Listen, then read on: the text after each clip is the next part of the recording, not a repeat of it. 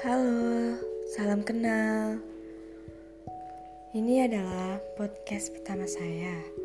Di podcast pertama ini merupakan salah satu tugas kuliah saya tentang proposal hidup saya.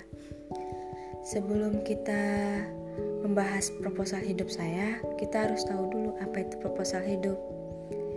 Jadi, proposal hidup adalah sebuah rancangan tulisan mengenai rencana-rencana dan impian-impian, target-target yang ingin kita capai. Seperti halnya arsitek yang akan membangun rumah. Mereka perlu merancang desain terlebih dahulu sebelum dijadikan rumah dengan nyata.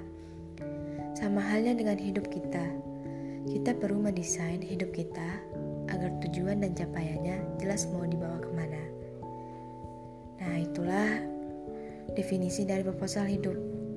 Jadi, saya akan menjelaskan proposal hidup saya. By the way, nama saya Violeta Viola.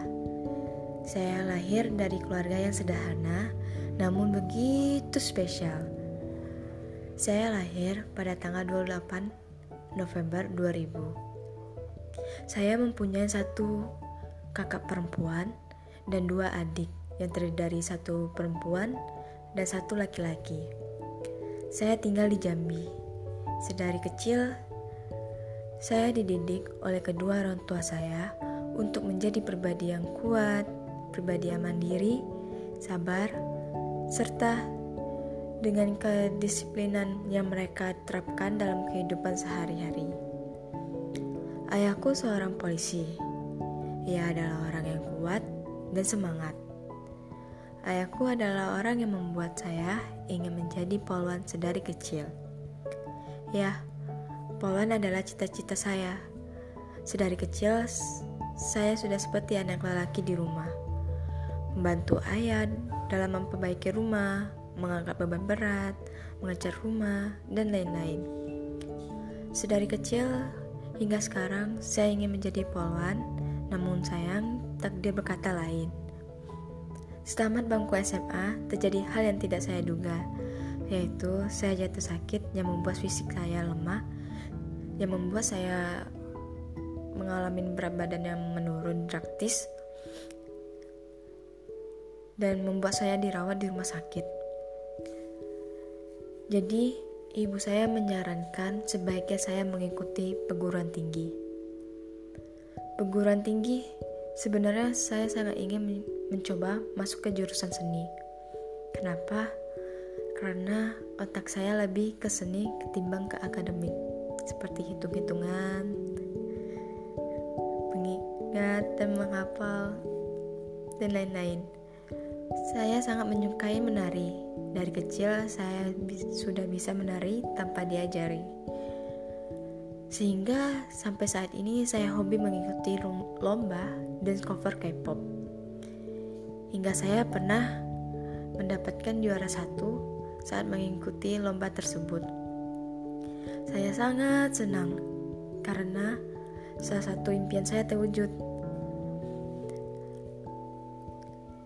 Sebenarnya saya juga hobi menggambar. Tapi saya sejak kelas 6 sekolah dasar mulai menghobi menggambar. Entah kenapa saya jadi bisa menggambar dengan baik dan ya sampai sekarang masih menyukai menggambar sebagai hobi jika saya mengalami stres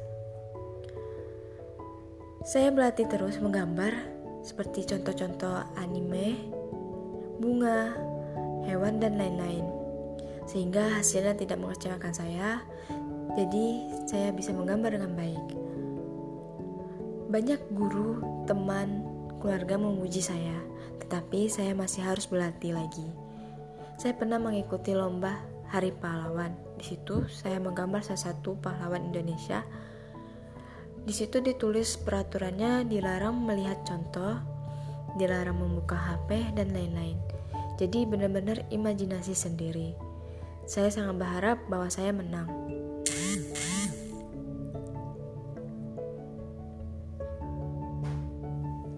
Tapi pas pengumuman saya tidak menang. Kata teman saya sebenarnya saya menang. Tetapi ada satu kesalahan yang saya perbuat yaitu saya lupa menggambar. Bukan menggambar, tapi mewarnai kulitnya. Sehingga kulitnya berwarna putih kertas. Sehingga membuat saya sedikit kesal dan menyesal. Saya bertekad lain kali saya tidak mau mengulangi itu lagi. Saya juga pernah mengikuti O2SN Volley tingkat SD dan tingkat SMP. Saya tidak tahu kenapa bisa Mungkin karena saya dari dulu perfect di olahraga, saya hobi basket, lomba lari, dan lain-lain. Tetapi saya sangat menyesal karena saya tidak serius di waktu itu. Saya lebih fokus ke sekolah, lebih fokus ke les tambahan. Sehingga sewaktu SMA membuat saya sangat menyesal tidak mengikuti voli lagi. Saya sangat ingin sekali mengikuti voli lagi.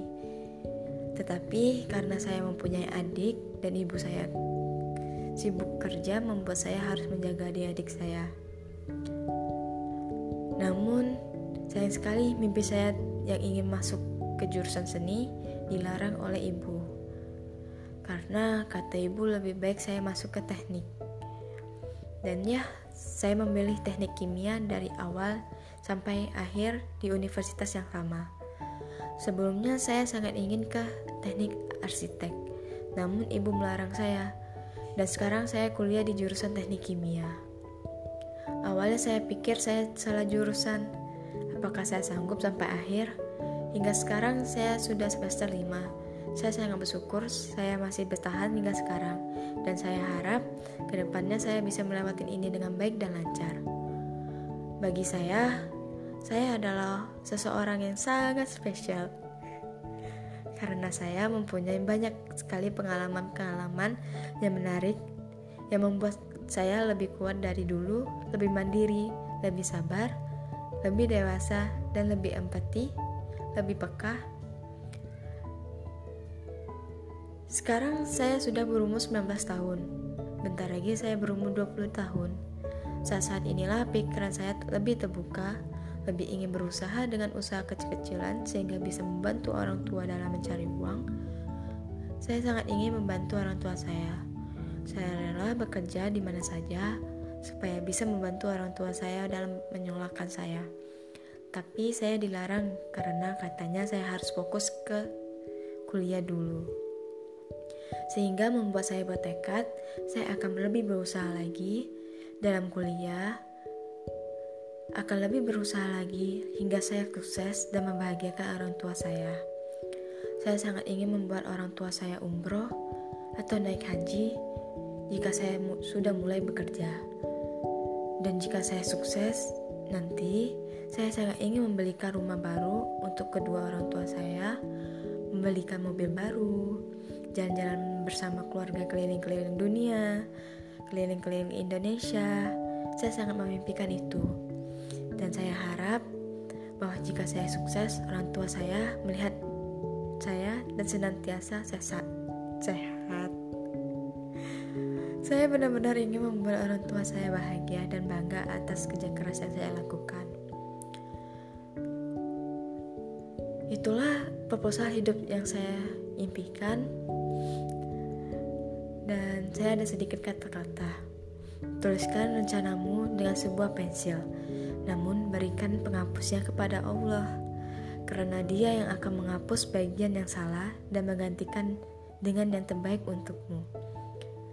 Terima kasih udah mau mendengarkan podcast saya ini. Apabila ada salah kata, saya mohon maaf.